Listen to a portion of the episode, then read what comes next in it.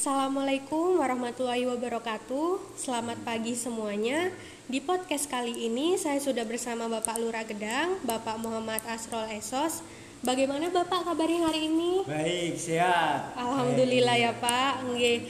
Selama beberapa menit ke depan kita akan membahas tentang nilai-nilai dasar ASN yang bisa kita sebut aneka.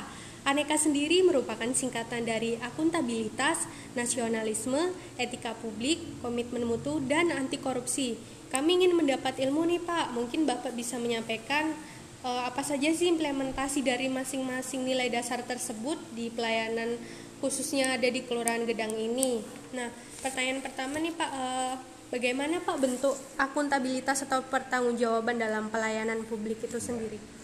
Kalau saya di Kelurahan Gedang ini, Kelurahan Gedang Porong ini bentuk akuntabilitas pelayanan publik itu kita melayani kepada masyarakat.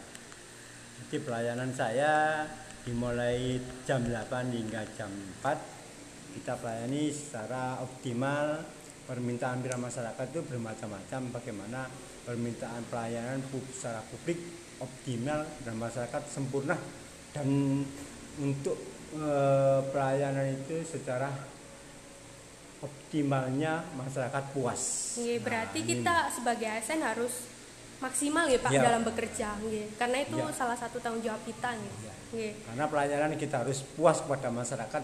Desa itu kalau dipelayani secara optimal, cepat dan tepat, dia adalah puas untuk menerima pelayanan. Iya, betul.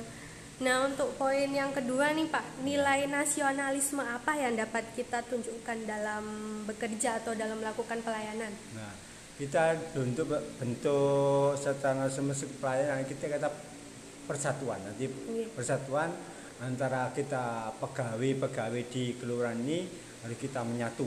Yeah. Nah, persatuannya ada kak saling tengkar, hati kita bersatu. Mana yang yang sangat kita pegawai saya ini kalau ada pelayanan harus saling membantu. Okay. Nah, juga mudah-mudahan nanti staf saya ini saling bekerja sama, yeah. saling bekerja sama agar melayani masyarakat di desa atau di kelurahan yeah. itu secara optimal masyarakat juga puas menerima pelayanan itu. Selain itu juga yeah. memudahkan kita bekerja ya Pak kalau yeah. membantu. Yeah.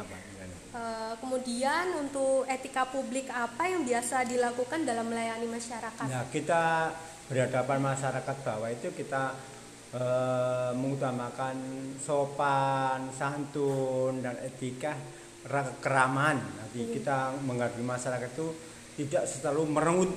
Nah, jadi kita di bawah itu kita harus sopan, ditanya yang baik-baik, satun, ya ramah dan kita jadi masyarakat itu tidak jenuh.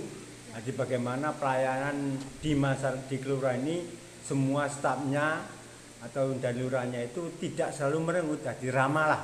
Oh masyarakat itu kalau datang di sini ada kantor sangat mengutamakan ramah kepada masyarakat pelayanan kita agar masyarakat juga puas. Iya.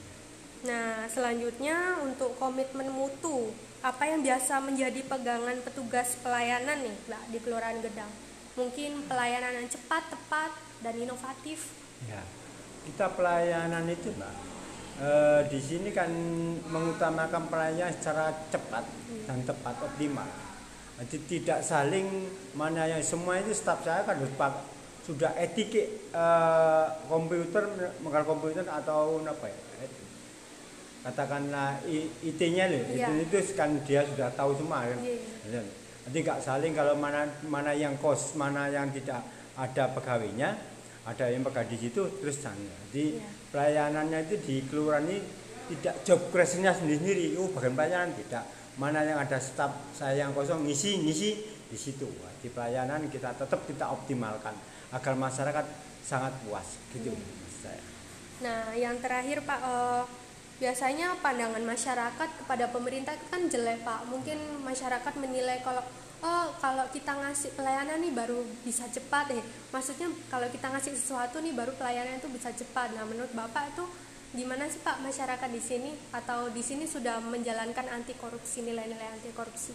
Desa dengan kelurahan beda, beda. Ya. ya kalau desa pegawainya ada ditata kepada pihak APBDes-nya ya. tapi kelurahan kita kan semua PNS Nah, TPNS ini kan sudah lama digalakkan anti korupsi dan anti korupsi. Ya, kita pelayanan masyarakat tidak ada dari pihak kelurahan itu tidak ada yang namanya eh, kita memberikan ucapan terima kasih berupa uang atau berupa material tidak ada di kelurahan itu hanya kita pelayanan masyarakat secara masyarakat optimal. Nah, ah, sedangkan untuk anggaran anggaran kita sekarang itu tidak terima uang, kita terima material. Untuk bentuk kita kalau memang kita butuhkan ATK, itu pun kita harus eh, anggaran saya di kecamatan dan kecamatan berbentuk CV-nya itu ngirim barang ke saya. Di CV-nya yang berbentuk ngirim eh, tambah dengan kita kepada terima uang.